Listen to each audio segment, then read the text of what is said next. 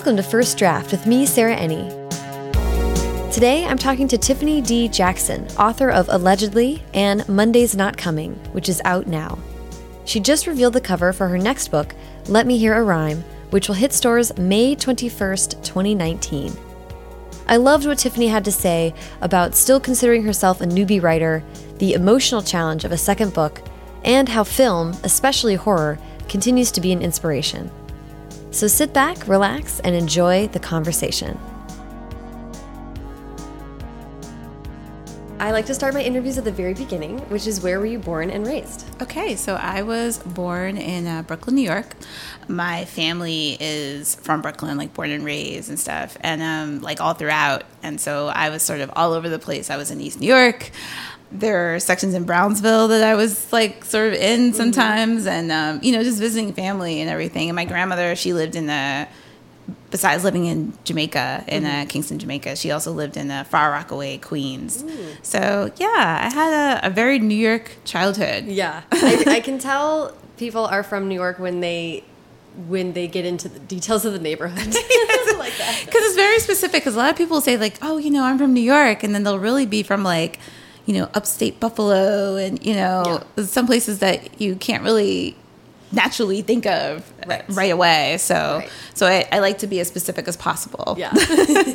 also, the funny thing I've noticed about East Coast people from the East Coast is I'll say, "Where'd you go to school?" And just for me, I mean university, but they'll be like, "Oh, well, in elementary school I went to," and I'm like, "Oh, wow, it's such a funny." I mean, that's thing. that's actually true. You're right. I, I usually particularly someone back home asked me where I go to school, like, oh, you know, I went to high school, you know, in Westchester. I went upstate mm-hmm. uh, for high school. But yeah, I don't immediately say, like, for college, right. you know, oh, yeah, I went to Howard University in yeah. Washington, D.C.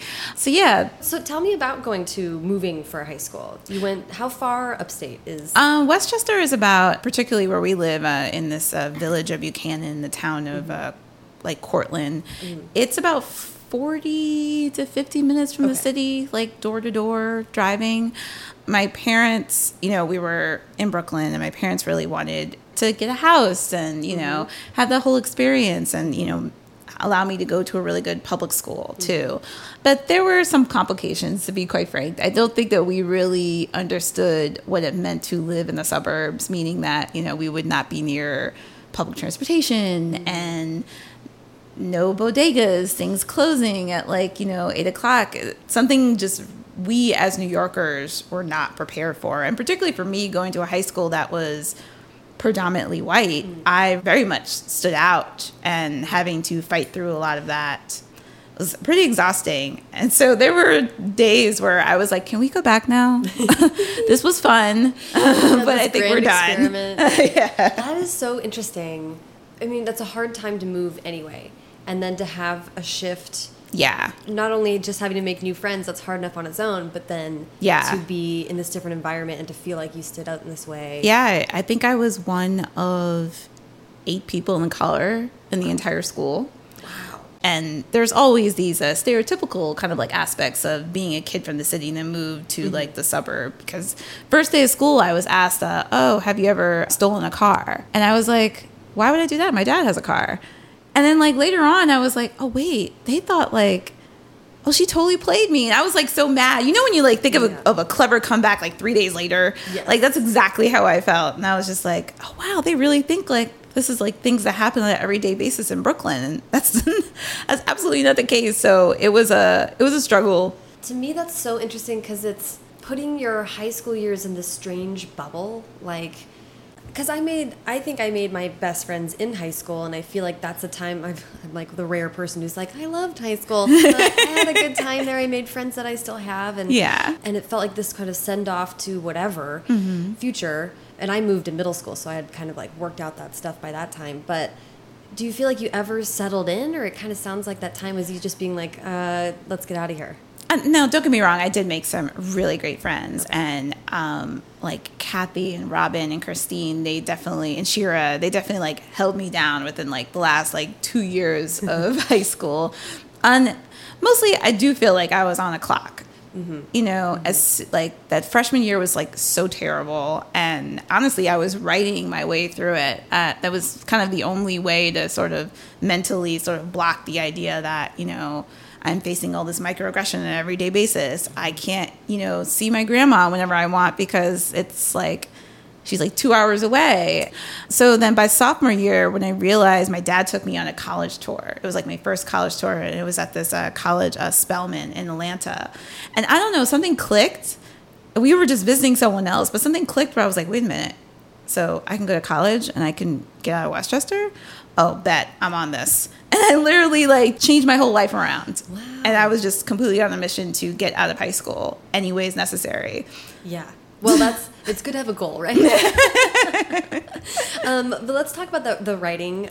How early were you writing? Had writing always been something you'd done growing up? Uh, yeah, I was always a writer. Like ever since I was like four, I always tell the story how I used to like write these short stories, and by putting letters together to look like words, but because I didn't know how to actually spell anything, and I would like shove it in my mom's face, like look, and then she couldn't read, and I would get frustrated at her. I was like, ah, you never understand me. I had like angst as a four year old, and I wrote short stories all the time, but I really feel like it sort of hit in high school where you know I didn't have distractions of you know that kind of like city life Right. and you know that sort of like kind of survival instinct. I didn't have like a bunch of my cousins around me or anything mm-hmm. like that. It was like very isolating. Mm-hmm. So I started writing and I wrote started to write a freshman year. I always remember it was earth science class because I hated the class so much. I started writing a novel by hand Cool. in these like three subject notebooks. Mm-hmm. And I was just flying through the notebooks. And it didn't occur to me until the end of the year when my hand started hurting and I got tendonitis. And so I, you know, everyone was wondering what happened. All these doctors were like, I know, I'm not sure. And, you know, maybe there, we, we need to do surgery. And I was like, oh my God. And then finally, one of the last doctors was like, you know, have you been writing a lot? And I was like, oh, a little bit. Like, you know, and then my parents were like, wait a minute, this is all because of writing? Oh, hell no. and literally, that was the reason why they got me a computer. Wow.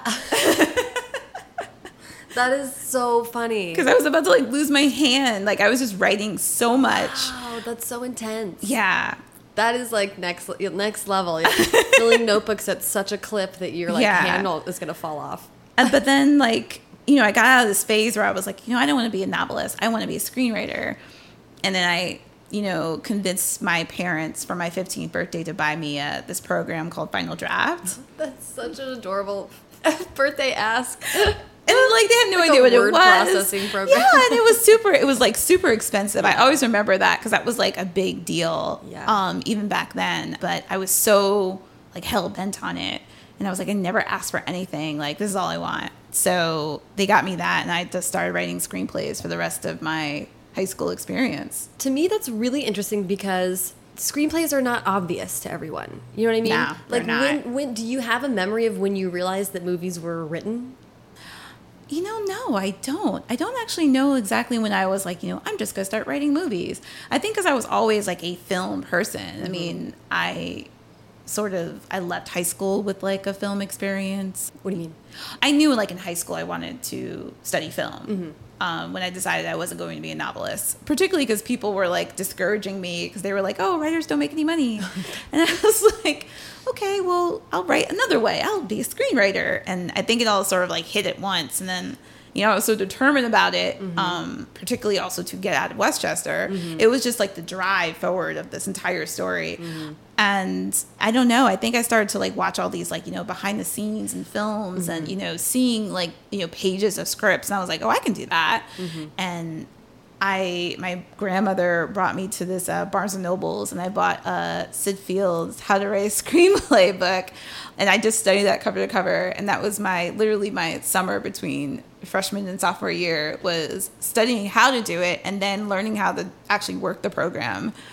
So it was actually a very um, it was exciting time. Yeah, that's that's like a creative burst. Yeah, definitely it hit at a good time. Yeah, Um, and I think it's somewhat common to have these like it's like a tough experience and, and like you said isolation and then you kind of can turn inward and Yeah, I did feel like I took the experience, I just sort of turned inward, sort of as like, you know, a glass bubble, kind of like to protect myself, basically.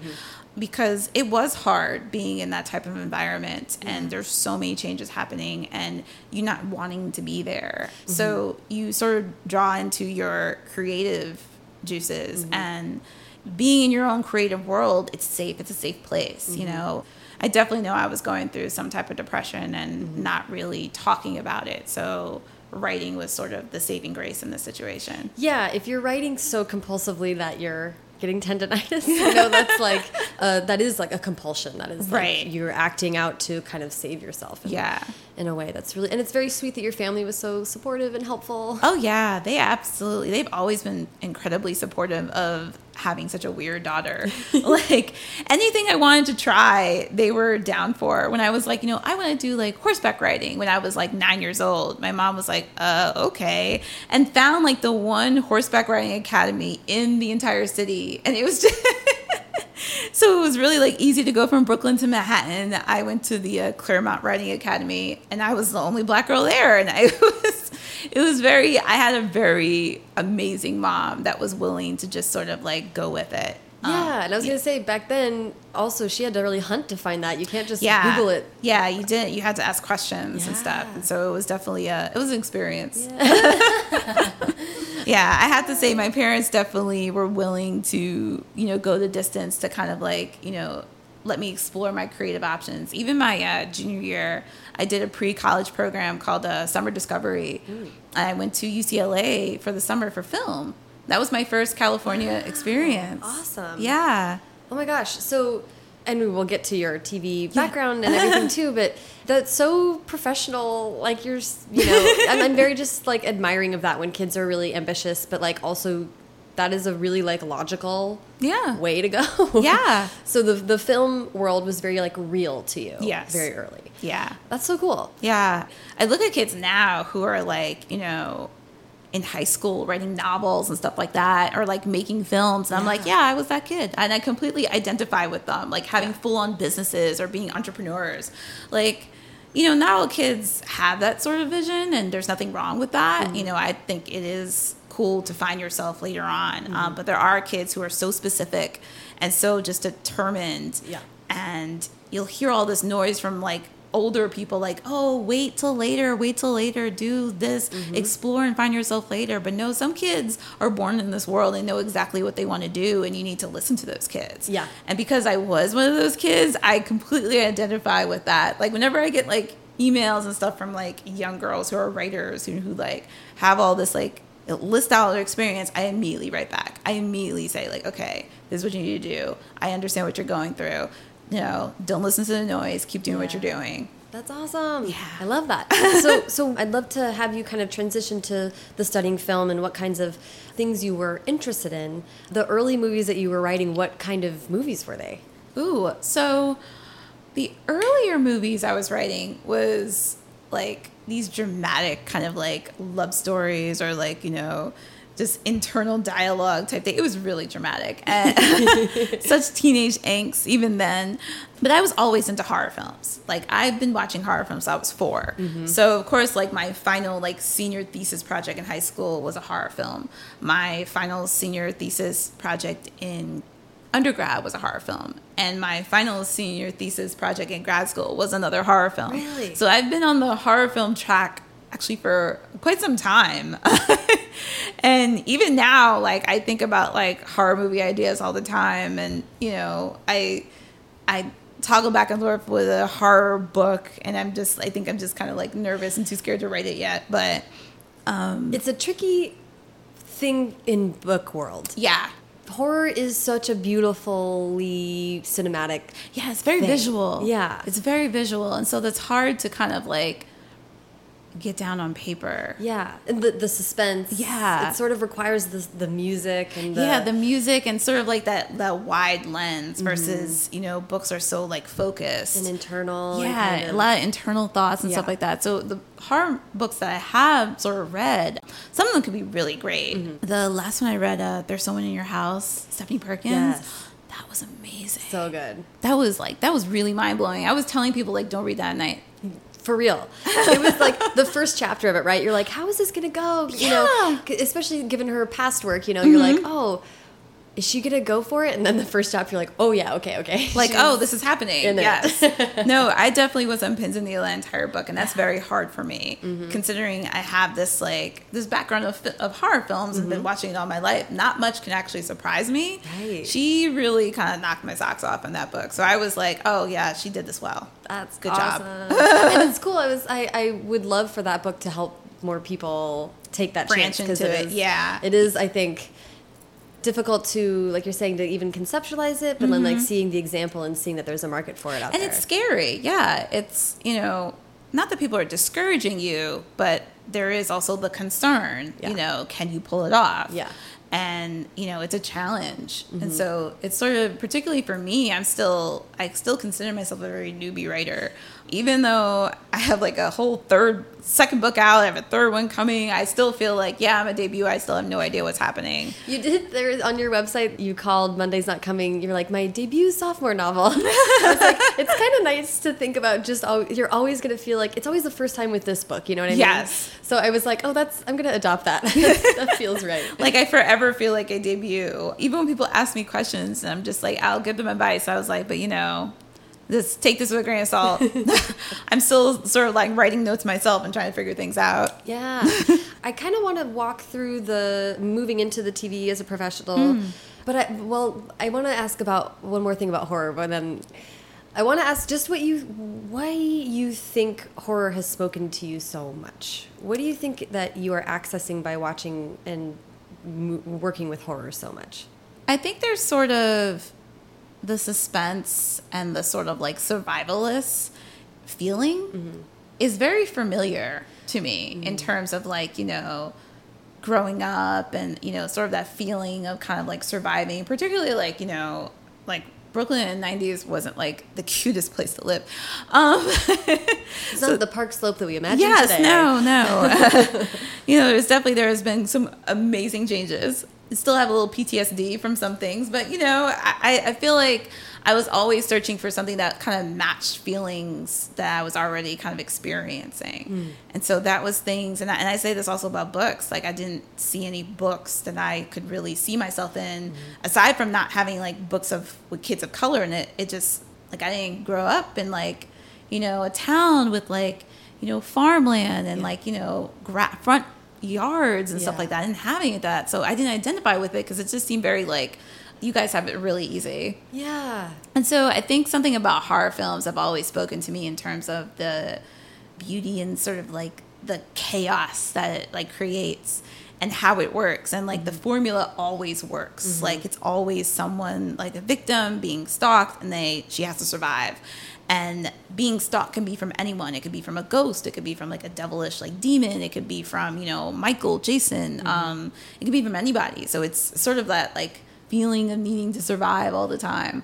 I think i identified it with it a lot more than i actually expected to. Um now looking back on it as a grown woman i can now see like why i just needed that sort of just like that suspense that like kind of like blood you know boiling type moments where i'm like okay what's gonna happen next And it's a hard question, right? Because it's like you just like what you like. There's- There's some element of that. But, Yeah. But people who are really drawn to horror, and my really good friend Kirsten is this way, and she's um, trying to write a horror script, and, or she did, and it's Mm-hmm. Yeah. great. I just see her like working through something. I don't know. It's just so fascinating to me. Like it's such a distinctive genre, and the people who Mm-hmm. are drawn to it are like devotees. There's not like a casual horror fan out there, you know. There really isn't. There are people who are just very much like, you know, they're so ingrained in the genre and so fascinated by it as well too.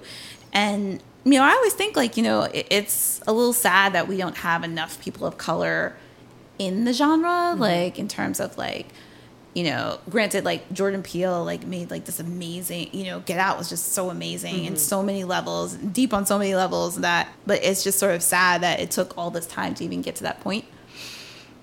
yeah. So I, in some ways, sometimes I'm a little disappointed with myself that I didn't like kind of carry out that film career in terms of like you know making movies and stuff like that. Um, I'm not saying never say never. I'm I'm still relatively young and still can like get behind the camera at any point, but.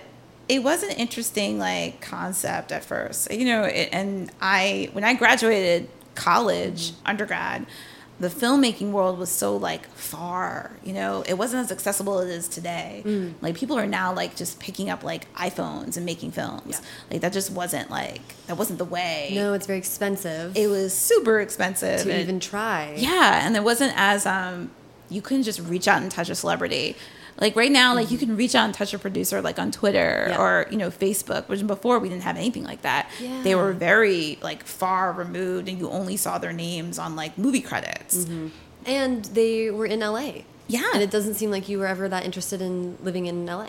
Yeah, I didn't. Um, I wasn't 100 percent drawn to the city, and not saying like you know. I mean, I do like it here. The palm trees are very, you know, welcoming, um, inspiring, all kinds of creativity. I do love the heat and the sun, but there was something that was a little daunting about just coming out here and basically starting from nothing. Mm-hmm. Like, I mean, if you think about it, even I graduated in 2004. I don't even think we really had like Google in a sense. No, it's still so early. it was so early so it was like how do i even start? Like how do i even get in through the door? And i you know i really big ups to people who do big ups to people who like really like came out here and just like you know okay so this is what i'm gonna do. I'm going to stalk outside the studio and wait until i meet the producer blah blah blah. Like they are you know super balls to the walls type um, people which i'm just like that's amazing um, but i i was still a little you know apprehensive at first Yeah, well, it's also, I mean, there's a lot of factors, right? And like starting over, it, you know, you kind of already had that experience of having to start over. and Yeah. it wasn't.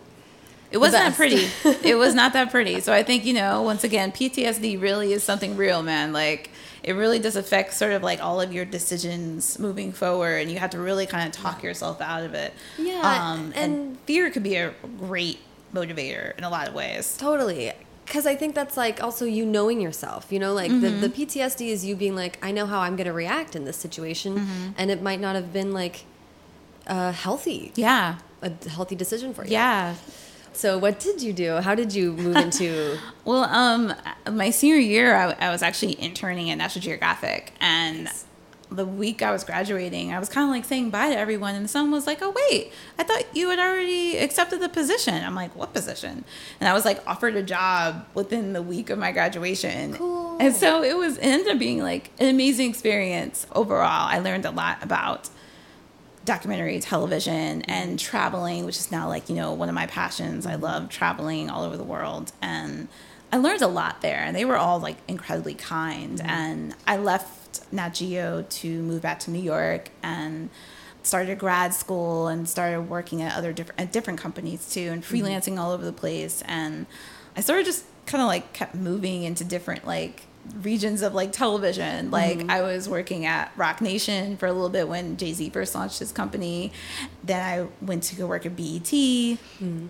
And then I started at Fuse TV. And then I went to BBC America. Mm-hmm. It was just like, you know, gradual, like just steps in different directions. And because I was always willing to like try different things. Yeah. I was always working in production management, like doing like logistics and stuff like that. And but I was always interested, gravitating towards scripted television. Yeah. I was going to say because not that I know all of what producers do, but but that does seem like it's a very practical gig, mm-hmm. making sure that everyone's got what they need and all that. Yeah. stuff. But that's that you're a creator.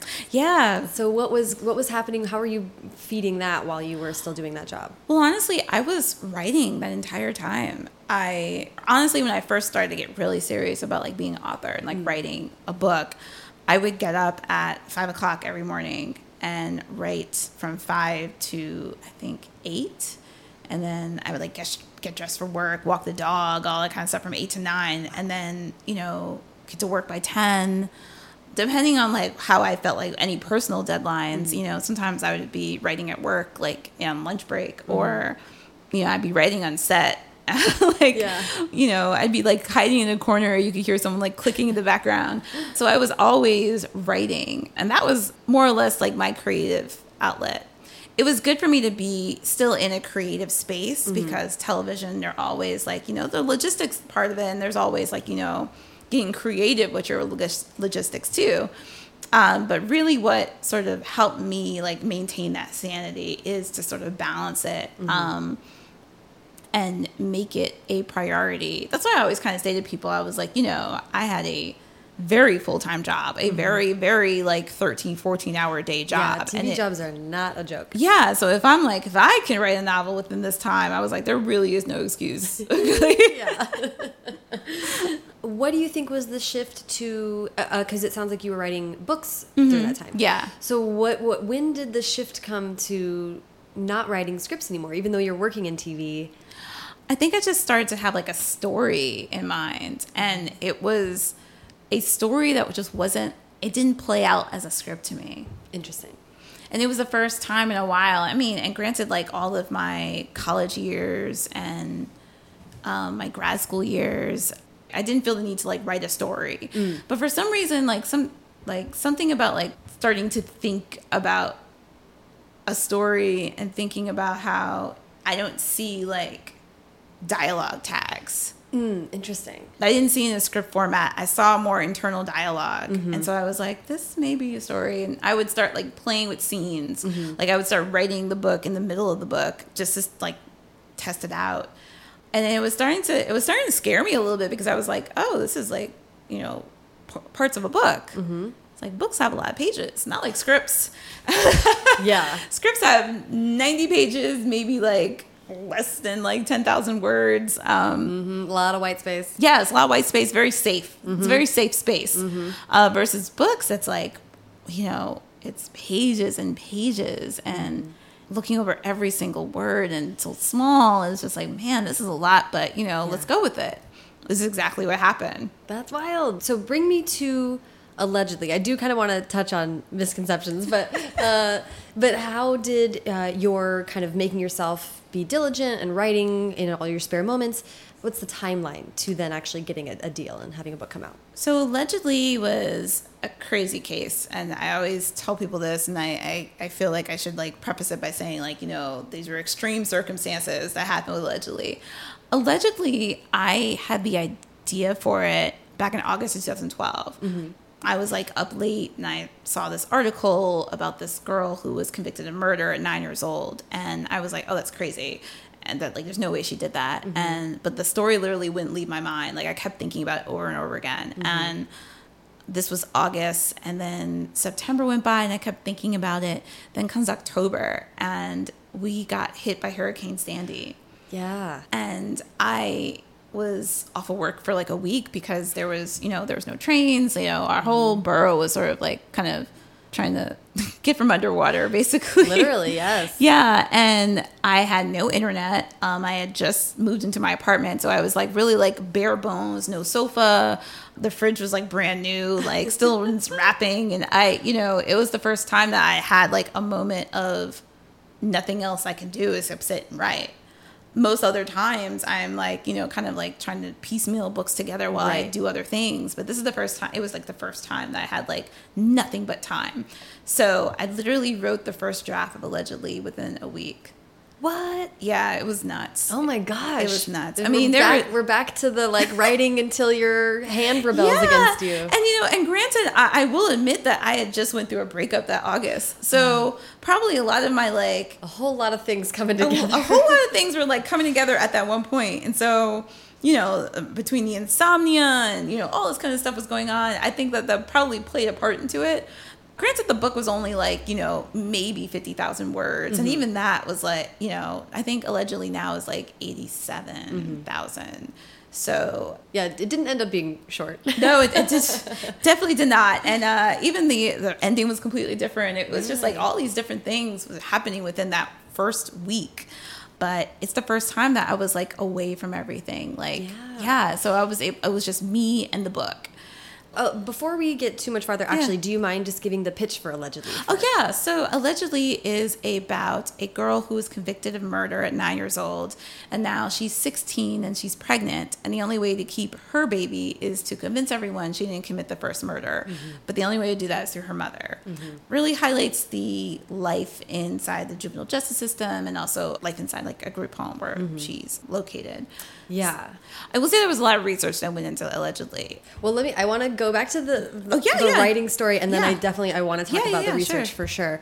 But I'm just like m- like mentally going there, like Sandy, a brand new apartment, like you know, just no furniture, and like writing in this frenzy. It's a very moving like origin story for this book. And also, this is a really difficult story.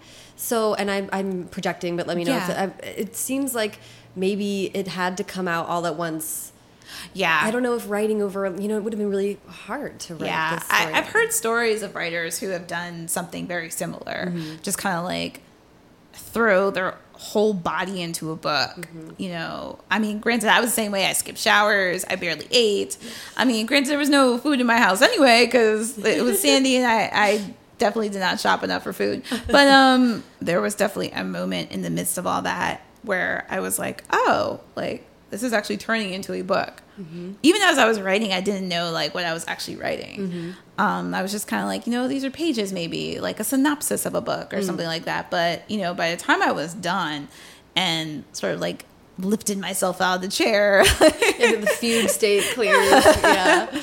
I did. I was like, oh, so this is a real book. This is like my first book. It felt like, even mm-hmm. though I had written books before that, and there's like you know, definitely books that I have, like you know, we call them what the drawer books, mm-hmm. or books that are never going to see the light of day. Mm-hmm. And I have, I think, about two of those. Okay. Two books that are just never ever going to see the light of day. um, so I was past the sort of like practice stage of writing a novel. I think that's what people sometimes miss is that you know they think authors like come out and they're like you know this is my first book and like you know boom here I am. No, a lot of authors have what we call practice novels or like I lovingly call practice novels, novels that just did not make the cut um, in terms of getting you an agent or you know make the cut of getting you an editor it's just a novel that you are in the practice of writing. So it Yeah. wasn't necessarily failure. It's more, you know, sort of working out the kinks because Mm-hmm. I will say that I have grown tremendously as a writer from like the first ever book that I attempted. Oh, yeah. Cuz then when I got to allegedly, I was in a whole different like headspace.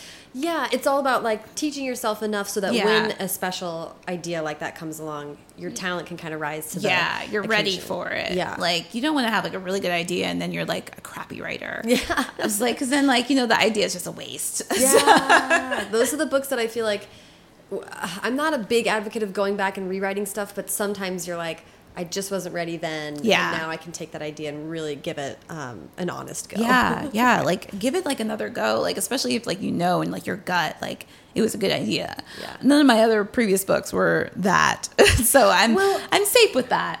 That. That's so funny. I do just really quick as a side note. I do want to talk about. So you've you misconcep- misconceptions. Do you want to just tell me like what's the story behind that? Oh wow! So misconceptions was technically that was the third book I actually wrote. So it wasn't a drawer book, but it was a book that didn't get me an agent.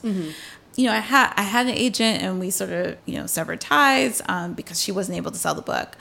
Interestingly enough, uh, misconceptions was I think a bit ahead of its time. That's what I tell people because it was a lot of it was a woman who was making a lot of like bad decisions while dating, but yet was incredibly intelligent and strong, mm-hmm. but was making bad decisions while dating. And one editor, I'll never forget this, said, you know, after she read the book, she said she couldn't imagine a woman making some of the decisions that she did. And I'm like, wow, I, I literally have friends who've made these exact same decisions. Yeah. Like, not even just myself included, but just like, there's a lot of women who are making these decisions, making bad, horrible choices. and then like you know after i decided on my own i was like you know what? I'm going to self-publish this. Mm-hmm. I was like i don't know what's going to happen but let's see. Let me give it a go of it. Mm-hmm.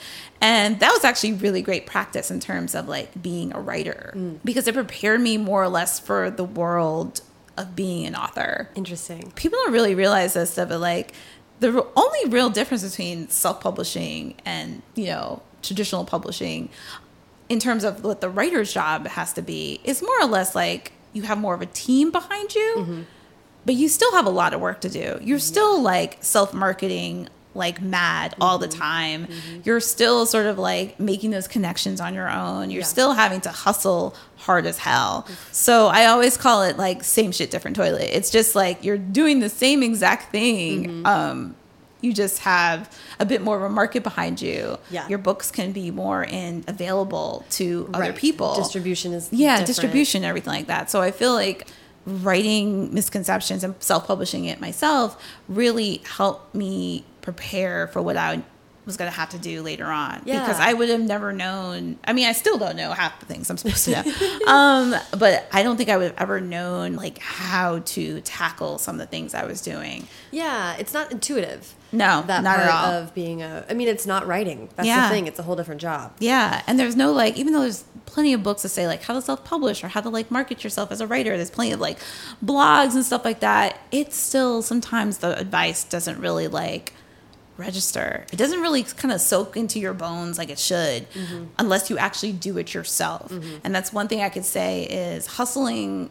my own book myself really gave me a perspective mm-hmm. of not only like my job as an author, but also respect for other people's job, like my publicist's job, my mm-hmm. editor's job. Like I don't like tackle them for anything like, you know, my like little minutia and stuff like that because I know that they are doing what they're supposed to be doing. And mm-hmm. I've, you know, kind of been in their shoes in a sense, in a very light sense. Yeah. So I have tremendous amount of respect for like the team that works with me and understand that I'm one of like the hundreds of authors they had to work with. Yeah. So there's nothing that will make you respect someone's job like having to try it. Yes. For a while. and I say this to like a lot of like, you know, fresh up and coming like writers like, oh, you know, they didn't send me to like this festival or that festival. And I'm like, listen, they're they're doing a job. Like they're literally like pitching you. All they can say, all they can do is like ask. Yeah. Like at the end of the day, all they can do is ask. If they get a no, it's a no. yeah. We just can't assume that we are owed things. Right. You know what I mean? Like Yeah. it's it's difficult because in this world we see what other people are getting to do Mm-hmm. or it's easy to be like, "Oh, I should have that." And it's like, "Well, that's not really how it works." And you kind of you can only control what you can control. And Right. Being really self-motivated and Mm-hmm. getting after things yourself is like all you can do. Yeah. So we're all like, I mean, we're literally all on the same like track in a sense, like, Yeah. but we all are running different races. Yes. And at the end of the day, we really kind of need to keep our eyes on our own paper Mm-hmm. because looking and staring at someone else's like success isn't equivalent to what you should be doing. You have two different books. yes, totally. If you wrote a duplicate book, I'd understand it more. Right. But otherwise, you know, and I feel like, I mean, and I'm being grossly understanding because there are some times where I do feel like, you know, you were given this, you know, shit end of the deal mm-hmm. in, a, in a lot of ways. And I have had moments like that where I do feel like, you know, not everyone did like their very best to like mm-hmm. promote this. Mm-hmm. But that's when writing comes in. Like, at the end of the day, and I and I say this very openly, like allegedly didn't get a lot of like spotlight in mm. terms of like the marketing and promotion of it in a sense, but the writing kind of took it I was going to to say another level. Right. I was going to say it's one of those books where you started. I mean, it got stars and all and Yeah. glowing reviews, and and then it sort of built on itself. And Yeah, it built on like word of mouth really like helped that book the most. And so when I say to people like, you know, who aren't getting like the attention and stuff like that, I was like, you need to kind of like focus more on your craft mm-hmm. than focus more on getting an ad in a paper. Yeah, like write, write a book so good that it can't be ignored. Exactly. That's incredibly important to your actual career because at the end of the day, we should still all constantly be writing. Mm-hmm. You can't always focus on this one, your one little book. I understand it's your baby mm-hmm. and you want your baby to shine, but you know, if you want a career as a write to be a writer, you need to continue to write. Yeah. Okay. The only other question I had about misconceptions was I thought it's so different. Um, you self-published as Blue Daniels. Yeah. So what was the choice to go with a different name for that one? So I took a pen name for misconceptions because I wasn't sure if that was the genre I wanted to stay in. Like I was still very much like I'm still a newbie writer, and I didn't know if women's fiction slash new adult was like, you know, the lane for me. And I just had this gut feeling that you know it's harder to jump from one genre to another when you're just trying to establish yourself. Yeah. And to be truth be told, I wasn't sure about young adult because I didn't. When I first wrote allegedly, I thought it was adult. Interesting. Yeah, and I say to everyone, like, you know, when I first started to pitch the book to query the book to agents, I got about like, you know, maybe 30 rejections before I was like, you know, what is wrong? Like, you know, I've been working so hard, I'm so exhausted, I'm ready to give up. And uh Tayari Jones actually uh, wrote uh, American Marriage. Um, I was asking her about. It. She was like, "Well, it sounds like it's young adult," and I literally was like, "What's that?" like, I had no clue. I had no clue, and so I um I went to the Barnes and Nobles in uh, Union Square, and I just basically was like standing in the young adult section, like taking every book out and like kind of like flipping through it, flipping to the acknowledgement page and like Mm-hmm. looking at the agents there and you know the other authors and stuff like that. Like I basically had to teach myself young adult within this Barnes and Noble and try to like figure out like why because I was still like blown away by it. I was like, why is my book here? It changed the game really. Mm-hmm. It definitely made me like start looking at the novel differently, editing it differently. Ooh, or- yeah, like revising it more. Not saying that, you know, if it's a very raw book. Mm-hmm. I get very angry emails about that all the time. But it's a very raw book, but it's still digestible. Right. And so that's what I had to sort of look at that there were so many there were a bunch of raw stories out there, but it was still you know tailored in a way for young adults. And so I had to make sure that my book, you know, kind of fit into that realm. yeah. Do, and and I'm just so interested in this. So so how do you mean tailoring it? So I think it's more like making sure the language isn't too like verbose. Right. And that there's not so much introspective that, you know, mm-hmm. dialing more into the action Yeah. than into the introspective. Yeah. And it seems to me like that sort of aligns with a lot of TV and movie stuff as well. Like, Yeah. Like you said, 90 pages to get everything in a movie. It's like you really got to be tight, you know? Yes. So, and there is something. I mean, I will. I always say that I definitely brought a lot of my skills in terms of screenwriting um, to the literary world. Mm-hmm.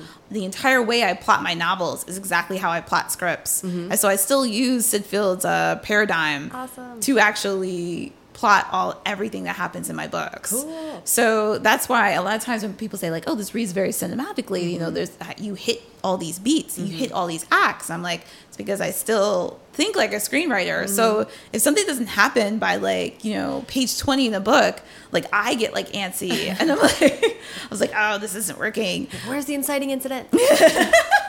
Get me there. Like the climax, no. Yeah. Like, So when you were when you were having your Sandy fugue writing state, Yeah. was it already plotted out or were you just no, that was the one time I was a pantser. wow. Yeah, that was the one time I was a pantser. Now going back, like I had to fill in all like the amazing Grand Canyon size plot holes I had, and you know, going back to research and stuff like that. So I definitely Right. filled in a lot of details, but like the scope, like the general bones of the story, is what I wrote that week during Sandy. Everything else like came later. Okay. So I mean, it wasn't the prettiest draft, and every now and then I want to like open it up just to look at it and be like, okay, like sure, girl, uh, you like this novel's great. Um, which I always tell like you know like students in like creative workshop classes and stuff like that, or even like you know when I do school visits, um, when they ask me about like the revision process, I'm like you know literally writing is nothing but rewriting. Yeah. It's nothing but rewriting Yeah. over and over again. Allegedly, the final copy of allegedly was my 18th draft of the book Whoa. and that is up from the 14th draft that got me my agent.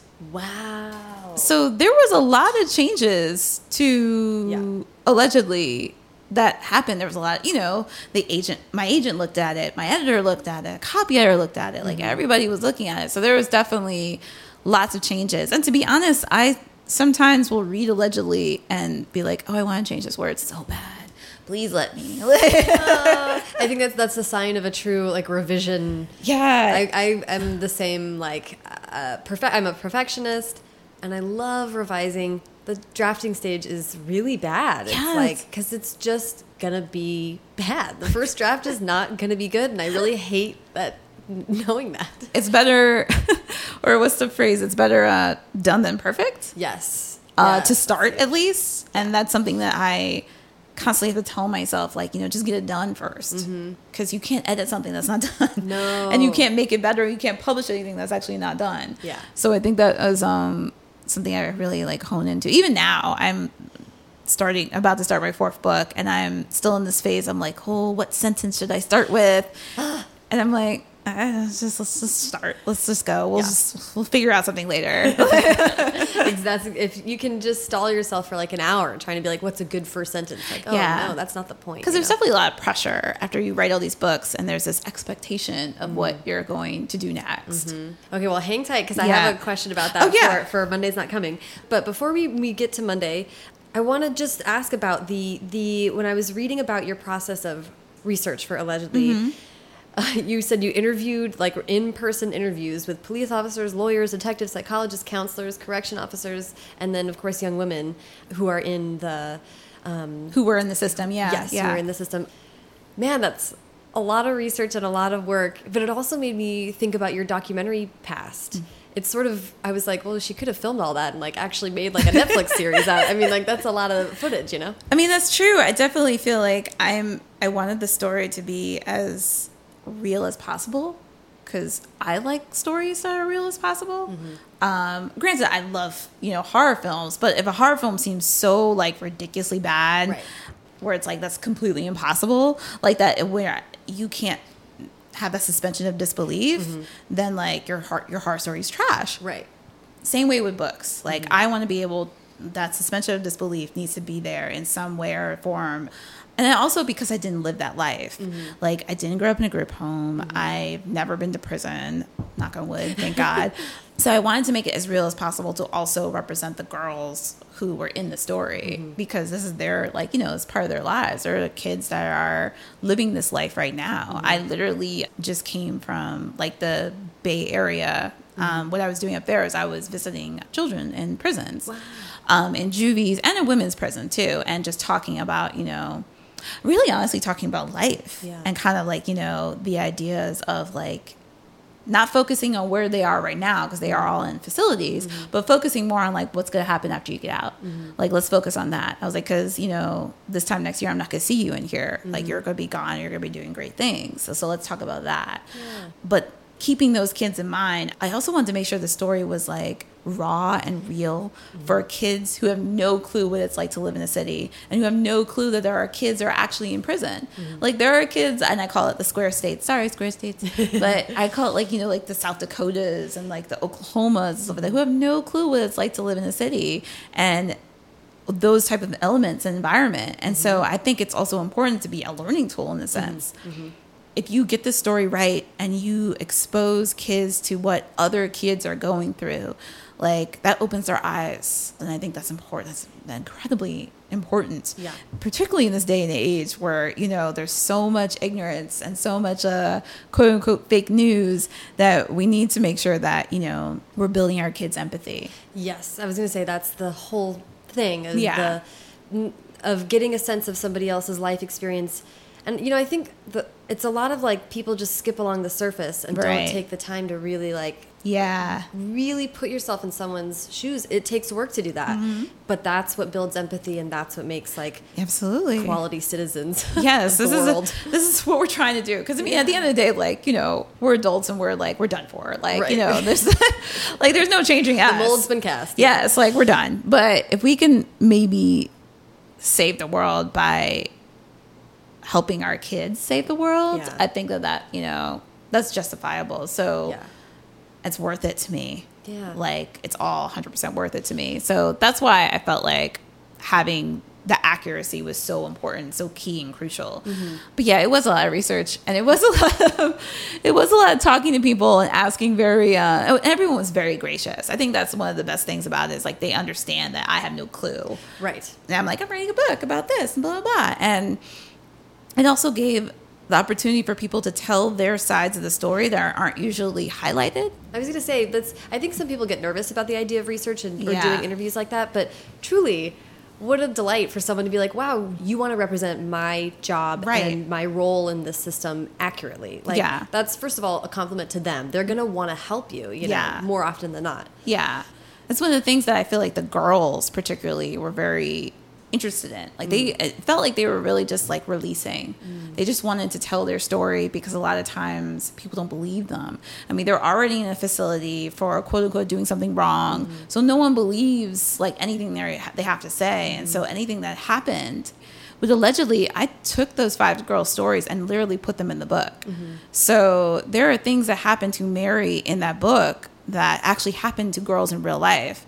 And so that's one of the things that I like, I drive home a lot in this book is mm-hmm. like, you know, this is actually real, guys. Mm-hmm. Like, know this is actually happening and know that no one else is doing anything about it. So this is not your opportunity to do something about it and change policies and make sure that like girls and boys are safe. Yeah. Yeah. Yeah. Those real, raw details, it's like that is why research is so important, especially for contemporary writers, right? Right. Like, this is the world we live in. It's important to portray Yeah. it accurately. And your story is just going to have those unfinished edges that are so compelling Mm-hmm. Yeah. if you are bringing in real stories and little details you know you never know what you're going to find that's really going to make the story like vibrate in Mm. that way that people respond to Oh, that's good. Vibration. yes. um, so I was super happy to read about all the research, and and I want to tie in the next question. Let's actually let's specifically start talking about Monday's not coming, and then I have a question about writing based on real stories. Mm-hmm. But before we go too much farther, do you want to tell me what uh, Monday's not coming is about? So Monday's Not Coming is about a girl whose best friend is missing and no one seems to notice until she shows up one year later. And this book was actually loosely inspired by a real case that happened with uh, missing girls, particularly in Washington, D.C., and um, missing siblings that happened to be in Detroit, uh, Michigan. And one of the interesting things about the case was I was living in DC when it happened back in 2007. And it's so different when you're actually like almost like a part of the story in a mm-hmm. sense. Because I was one of those community members who was like, you know, how do kids just go missing? Right. How do people not like look for them? And how is it that like, you know, people are pretending to do their jobs? It was mind blowing to me. So I was really kind of like throwing a lot of those questions that I personally had mm-hmm. in this book because I was flabbergasted by it all. Yeah, you you had a great quote about this. You said that this story hit your heart differently because you were like a citizen of DC Yeah. while Yeah. while this was happening. I wasn't like a detached, like, you know, Mm-hmm. you know, when like things happen in your own community and you hear about it, it hits you differently than it does when it's like, if I hear about something that's happening like in California, let's Mm-hmm. say, and I live in New York, you know, yes, I feel for it and I have empathy and, you know, it's, it's very terrible, but I'm not, I'm not as attached to it. Yeah, and the it's so interesting to me because because both allegedly and Monday's not coming, you have been inspired by real events, Mm-hmm. uh, real stories, but you you put your own spin on them. You know, it's not Yeah. like you're just retelling the story. How do you how do those ideas develop based on the, Um, real, the real story? I think one, I always try to take whatever the story originally was and spin it as much as possible because I want to be respectful to the victims, um, all the victims uh, that are a part of the story. Um, I never want to feel like you know I took their their tragedy and like made it this like you know dramatic event or whatever. Right. Don't want to exploit it. Yeah, I don't want to exploit anything. But also, it's an opportunity for people to see sort of like a wider lens of a situation.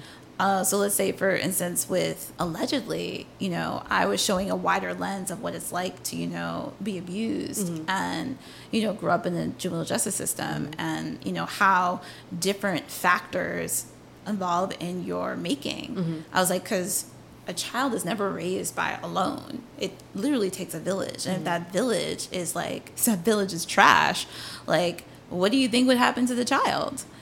And same thing with Mondays Not Coming. I talk a lot about gentrification mm-hmm. in Mondays Not Coming and, you know, the ideas and how it's actually affecting not only adults but children. Mm-hmm. No one thinks about that level of like, you know, how deep things go and how that paranoia and how that fear of losing your own home, losing your complete cultural identity, how that really affects you. Mm-hmm. And it's also interesting whenever I think of missing children, you know, of mm-hmm. course I feel for the families and stuff, but I always tend to think about like like the best friend, like what they're going through. And that's literally like how I, I felt about it. I felt like, you know, how does a girl go missing and then like their best friend not say anything? Right. like or not like raising hell like i mean granted like whenever my friends are like even remotely missing or not like you know responding to my text messages i'm like I, two minutes away from calling the police where are you yes. Yes.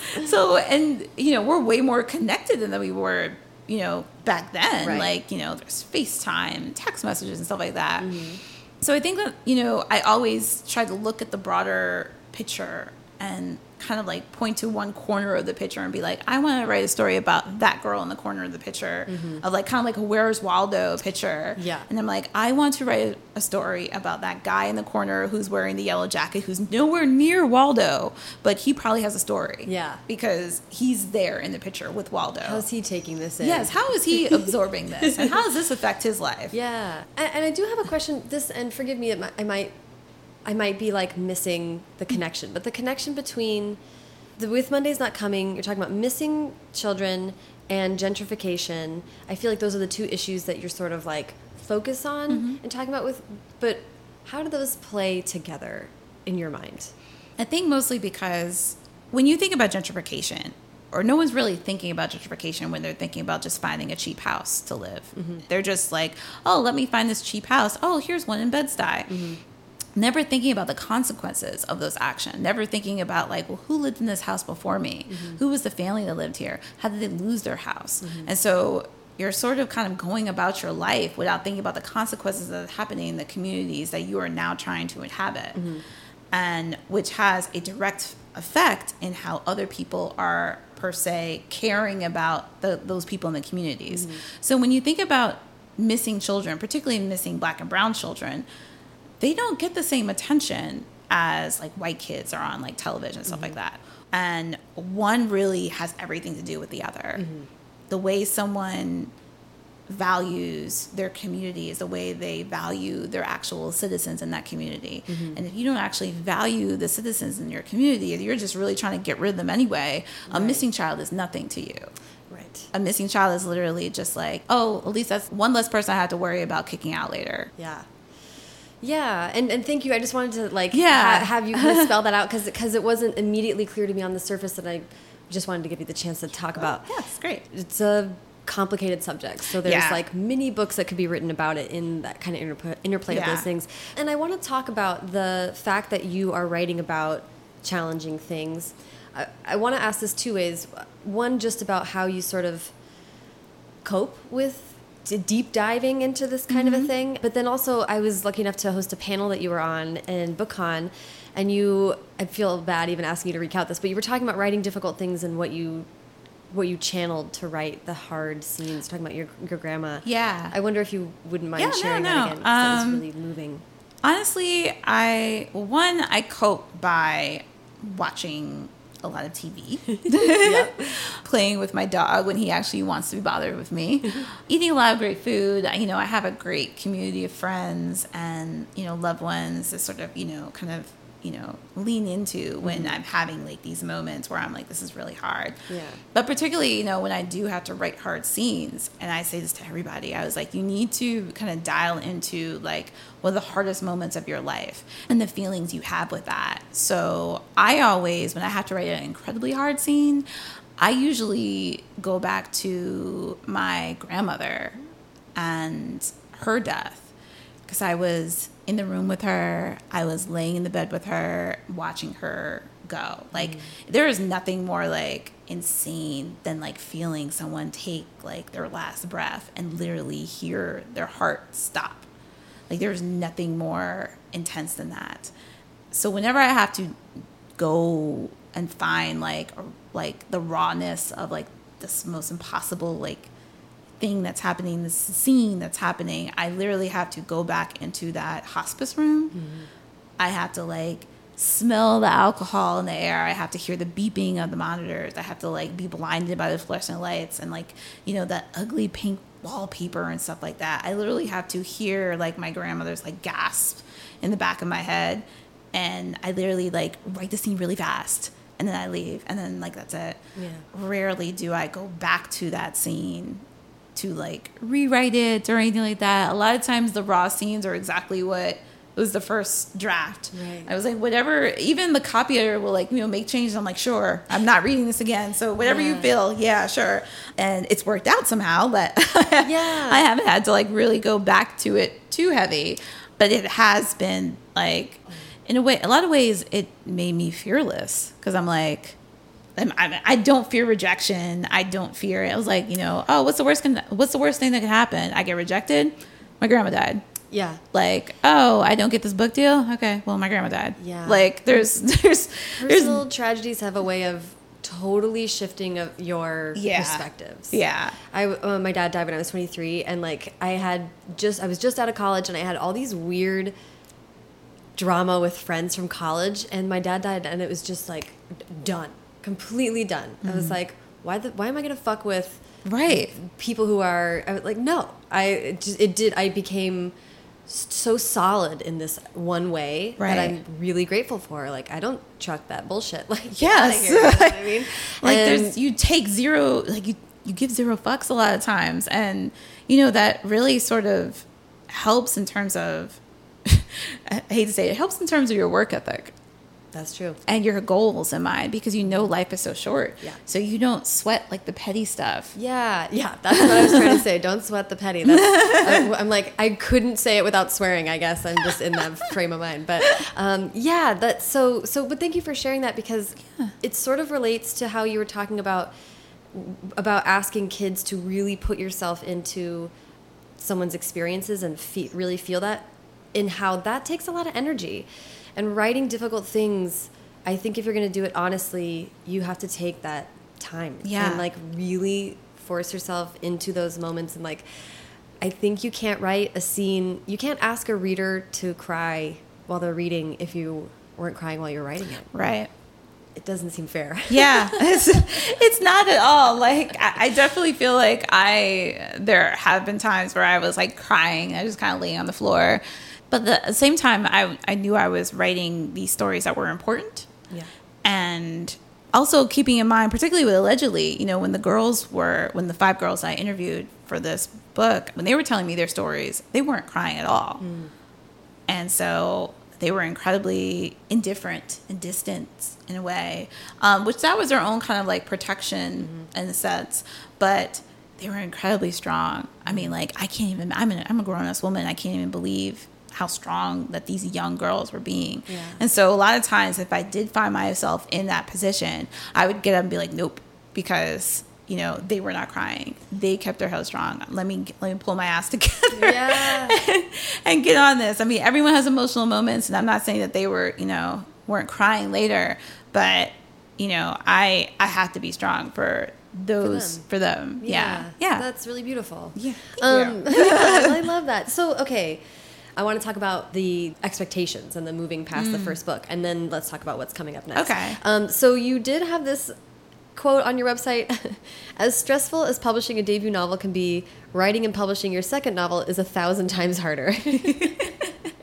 so, what was this process like for you? Oh man, Monday's Not Coming was horrible. I was like, kept calling this book my redheaded stepchild, considering that it was a red book.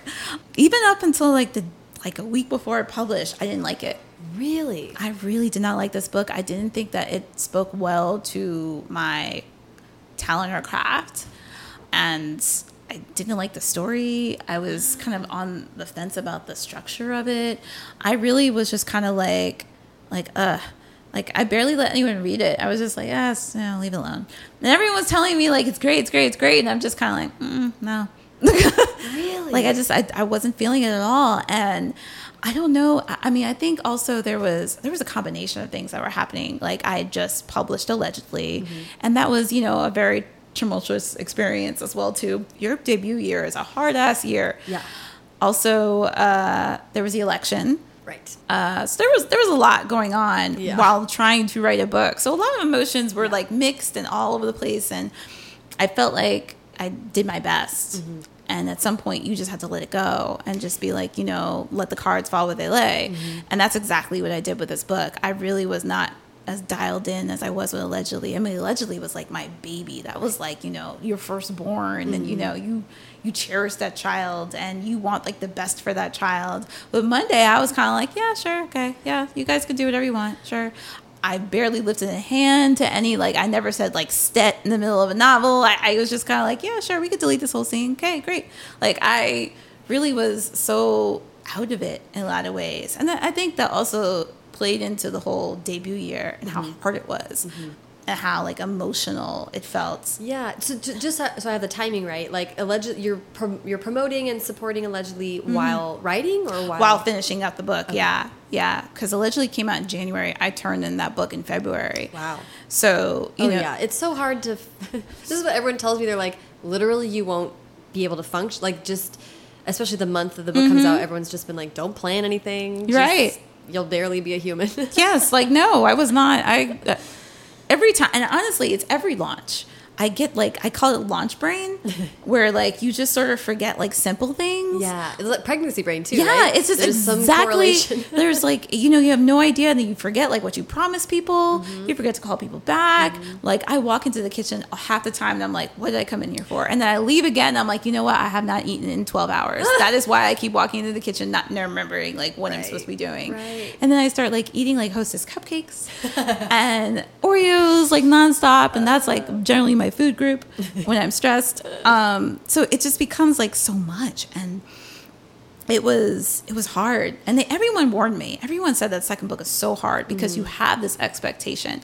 There was something to somewhat live up to with mm-hmm. allegedly because people It was were very well received, and people Yeah. were really excited about it. yeah and so people were kind of expecting that. Mm-hmm. And i didn't know i was gonna be able i didn't feel like i was gonna be able to deliver that. So i'm like so now i i'm walking into like may when monday's not coming came out i literally was like yeah i'm just ready to like just get trashed basically and i was just i was almost like preparing myself for all the criticism i was going to get for this book because i just thought it wasn't good Wow. and so maybe about like a week before it, I was like, okay, maybe it's not so bad. I was like, "Hmm, okay. That is so. I'm I'm really happy that you're sharing this because I think this is something a lot of people can relate to, but we don't talk about it that much. yeah, we don't talk about the fact that, you know, every now and then an author knows that they are, they don't like their book. Right. Yeah, we don't. We. And it's, it's one of those. It's one of those mental shifts going from being an aspiring writer to a working writer. Right. Yeah. Is this idea that like they're they can't all be winners. You know, like They can't all be bestsellers. And they can't all be truly like the book of your heart or whatever. You know, sometimes you have a deadline, Yeah. and that's what it is. And that's what, that's exactly what it is. yeah. So I felt in that space, I just was kind of like, I was just delivering, I was just doing my job. Yeah. And it wasn't like a passion of mine. I mean, of course, I was passionate about the research and I was passionate about the case. And so that's also a part of why I was disappointed in myself. I was like, because this is such an important story. Mm. I hate the fact that I feel like I effed it up. And so that's why I was kind of like in that mode of like, you know, I'm just about to be trashed. This entire book is about to, you know, fail. Um, but it was, for the most part, I think, knock on wood, um, it was well received. And, you know, it's it's only been a couple of months. And so I still feel like, you know, I still feel like I'm You're not still, paying. still scared. Yeah. I'm still scared. I'm just kind of like, oh God, don't talk to me. And like, so I feel like it was well received for sure. I read a lot of great stuff about it. yeah, and that was helpful. You know, once it actually came out and it was well, well received, I started to sort of open my heart up a bit more to it. I was like, okay, maybe I will like hug it at night, you know, before I go to bed.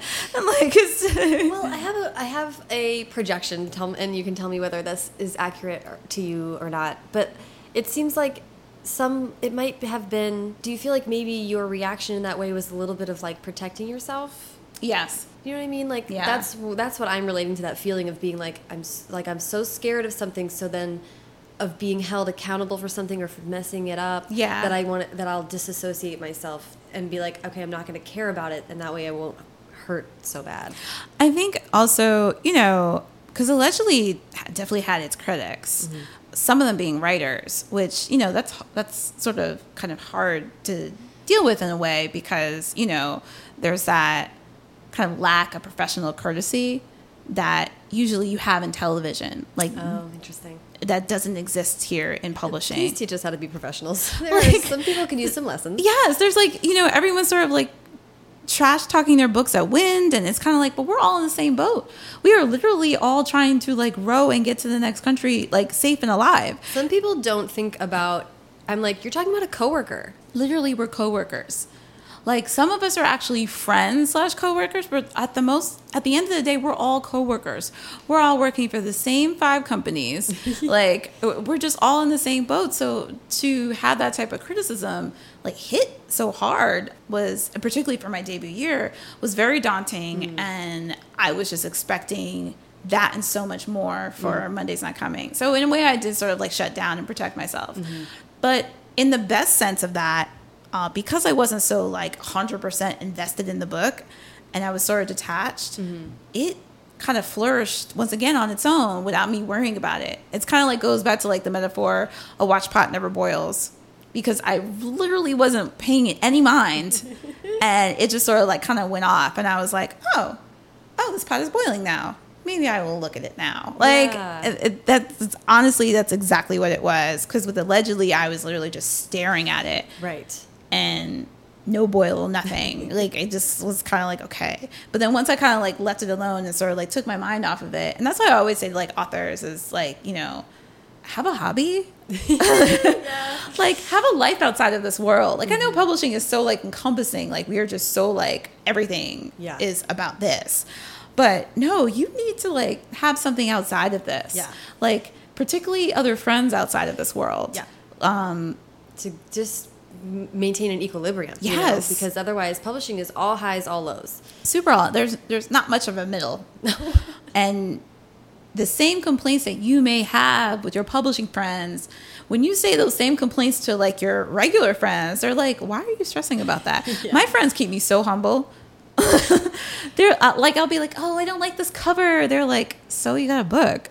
Like you know word you right and i appreciate my friends so much for that. Mm-hmm. And i do remember that i had a life you know i had a pretty like extensive life before i stepped into publishing. I mm-hmm. was i worked in television for almost 15 years. Mm-hmm. I went to colleges and grad school. Like i had a whole like other like outside life.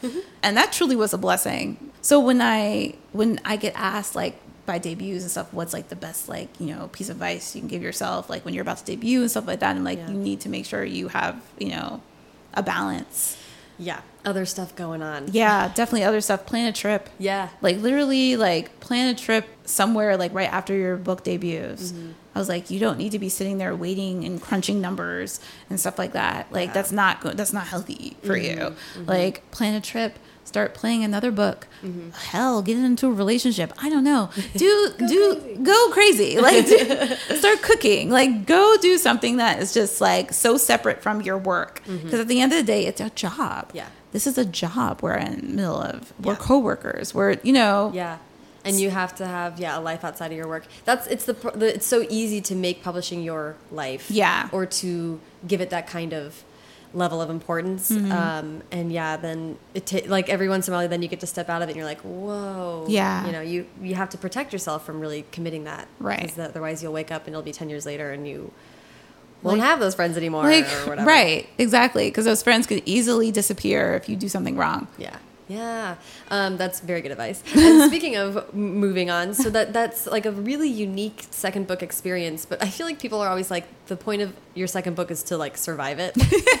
yes so how did you you had that whole experience? But how did you think about what you wanted to do next? And would, did it discourage you from writing at all? Or? no actually um, because i knew the next book i so my next book which i, I could just start talking Yeah, about that too um, so my next book is called uh, let me hear a rhyme It's set in 1998 in brooklyn and it's about two best friends who plot to turn their murdered best friend into a rap superstar by pretending he's still alive Whoa, whoa, interesting. So- is this based on a real story? No, this Okay. is not. This is actually this is not based on a real story, and there's humor and laughter and fun. And I I said um, to both my agent and my publisher, I was like, I I need to have a happy book.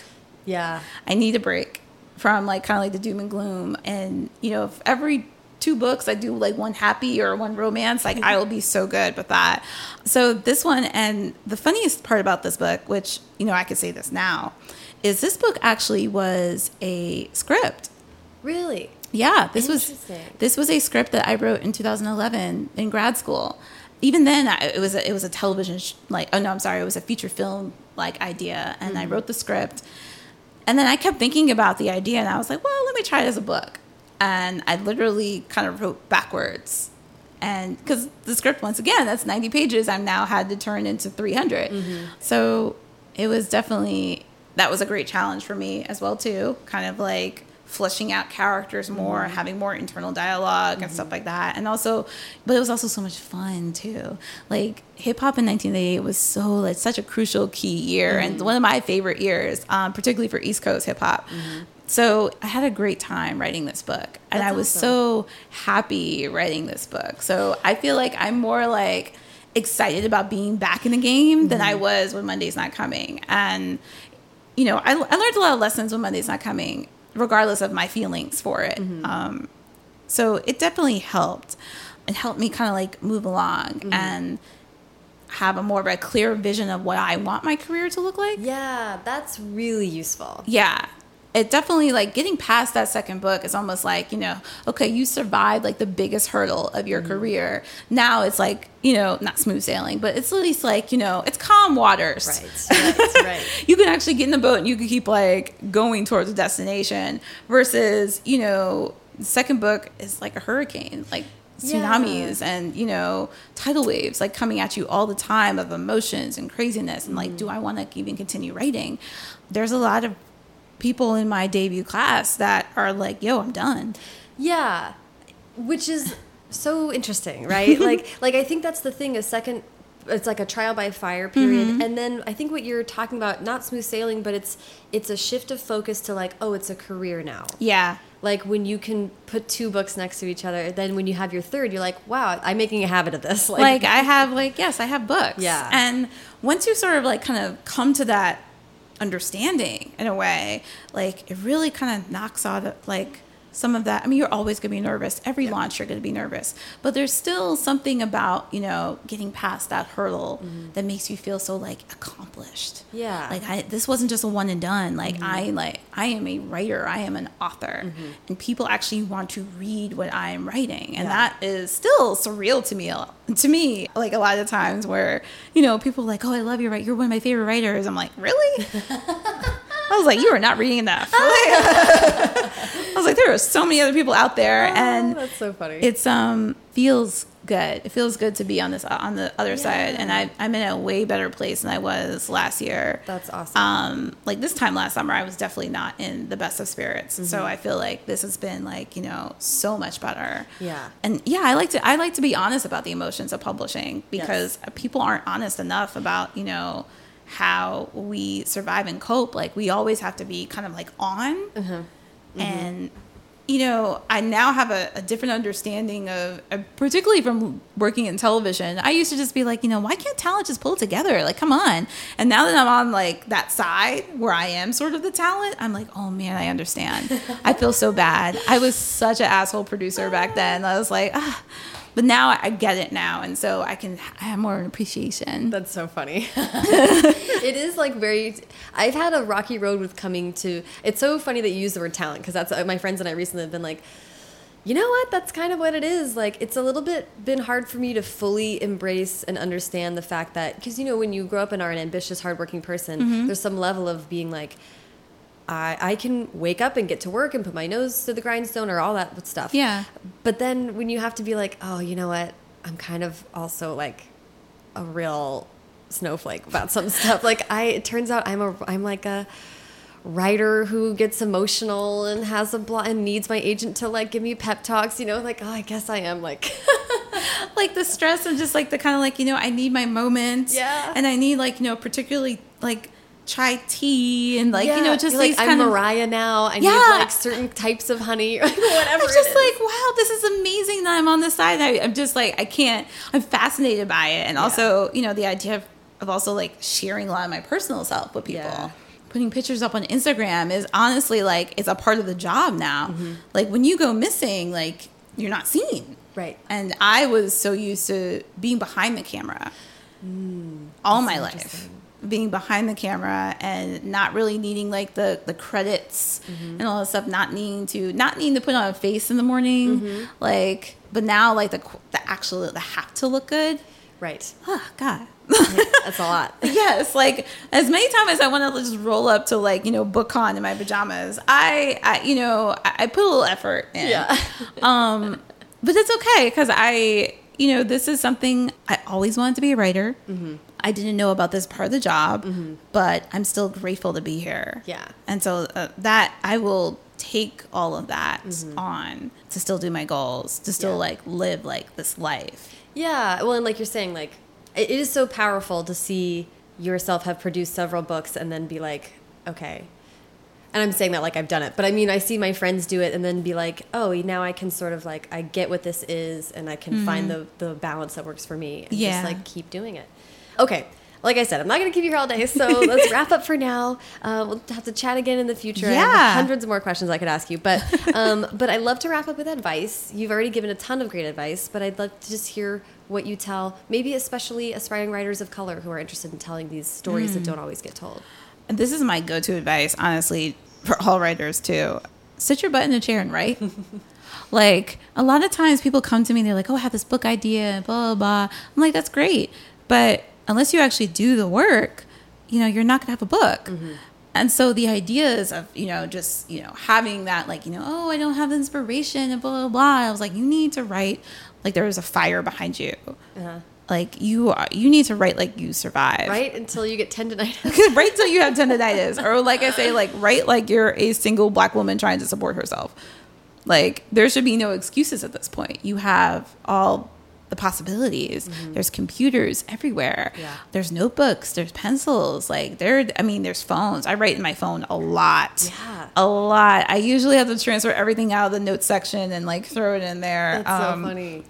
I just started writing with Scrivener and I'm still adjusting to change. but um yeah, that's my biggest advice to everyone. I was like, sit your ass in the chair and write. I was like, stop making excuses. Stop taking all of these workshops and classes, trying to be like, oh, I need to prepare and stuff like that. No, the story is there. Yeah. Like all you have to do is finesse it later. But unless it unless you actually have the story written out, there's nothing to finesse. There's nothing to be done. Yeah. So right. I think there's an impulse, especially I see this with women, to over prepare. Like Yeah. before you do anything, you feel like you have to write every, read every book about it, do the research, and it's just like you you actually don't have to ask permission to write. I had a friend who was literally spending a month decorating her office so she can write in it. And I was like, Are you kidding me? I'm literally writing on a stool. I am Yeah. writing standing up in the smelly subway. I am writing in the corners of studios. I am Mm-hmm. writing all the time. And you are here trying to decorate Audrey Hepburn, like, you know, motif in her, like, I, I I mean, and I get it, it's great. But you're literally wasting all this time and money preparing to write rather than just write. Mm-hmm. I was like, so what happens when you're done? Like, what excuses are you're going to come up with next? like, that's so true. so yes, that's my my advice. To Well, everyone. that is awesome advice, and thank you so much for giving me all this time. I so appreciate it. Thank you so much. This This, has is, lovely. this is great. Thank you so much to Tiffany. Follow her on Twitter and Instagram at Write in BK, that's W R I T E in BK, and follow me on both at Sarah Enni and the show at First Draft Pod.